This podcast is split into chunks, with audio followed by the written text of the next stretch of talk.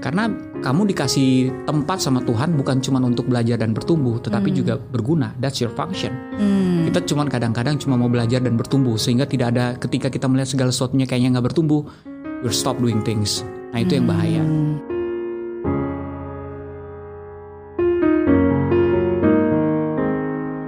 Hidup itu ibarat sebuah puzzle.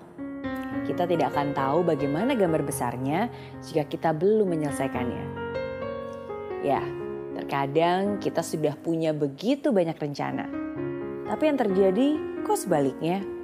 Terkadang kita terlalu yakin dengan diri sendiri. Tapi kenapa hasilnya justru malah berbeda?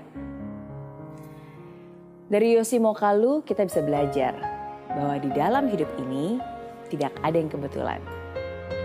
Ketika jalanmu berbelok dari keinginan, ketika hidup membawamu berubah haluan, mungkin saja ini cara Tuhan untuk menggiringmu ke jalan keberhasilan.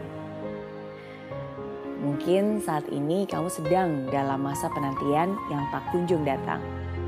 Mungkin kegalauan pun tak jarang datang menyerang. Belum lagi penolakan yang harus kamu telan. Tapi ingat, tidak ada yang sia-sia. Ya, tidak akan ada yang sia-sia selama kamu selalu mau mengisinya dengan gairah. Bukan hanya sekedar menunggu dan berharap keadaan akan berubah. Ingat, kamu berharga. Kamu punya talenta. Ketika kamu percaya pada Tuhan, Tuhan juga akan mempercayakan banyak hal kepada kamu. Hidup itu bukan tentang sekedar kemampuan, tapi juga kemauan. Orang mampu akan mengandalkan diri sendiri, tapi orang yang mau akan mengandalkan Tuhan. Hidup itu tidak hanya sekedar belajar dan bertumbuh, tapi juga menjadi berguna. Kejarlah apa yang berguna, yang memberi manfaat bagi sesama.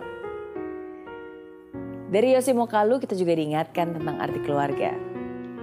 Ya, keluarga adalah pendukung keberhasilan kita. Mungkin keluarga kamu bukanlah keluarga yang sempurna, tapi kamu selalu punya pilihan untuk mengambil keputusan. Keputusan untuk menjalani hidup bersama, keputusan untuk mau menerima segala kelebihan dan kelemahan. Keluarga yang kuat juga akan membuat kamu memiliki hati yang kuat. Kuat itu bukan berarti tidak akan pernah gagal lagi, tapi kuat itu tetap berdiri gagah dan melompat tinggi walaupun kegagalan menghampiri. Kuat untuk tidak membiarkan masalah membawa kamu sampai ke titik terendah. Mungkin saat ini kamu bukan superstar, tapi selalu ingatlah bahwa kamu sangat berarti. Kamu istimewa di hati. Dan satu hari ketika kamu sudah sukses nanti, kamu akan selalu ingat hari ini. Hari di mana kamu memutuskan untuk bangkit lagi, berjuang lagi untuk wujudkan mimpi. Saya Mary Riana, and this is Zero to Hero Lessons from Yosi Mokalu.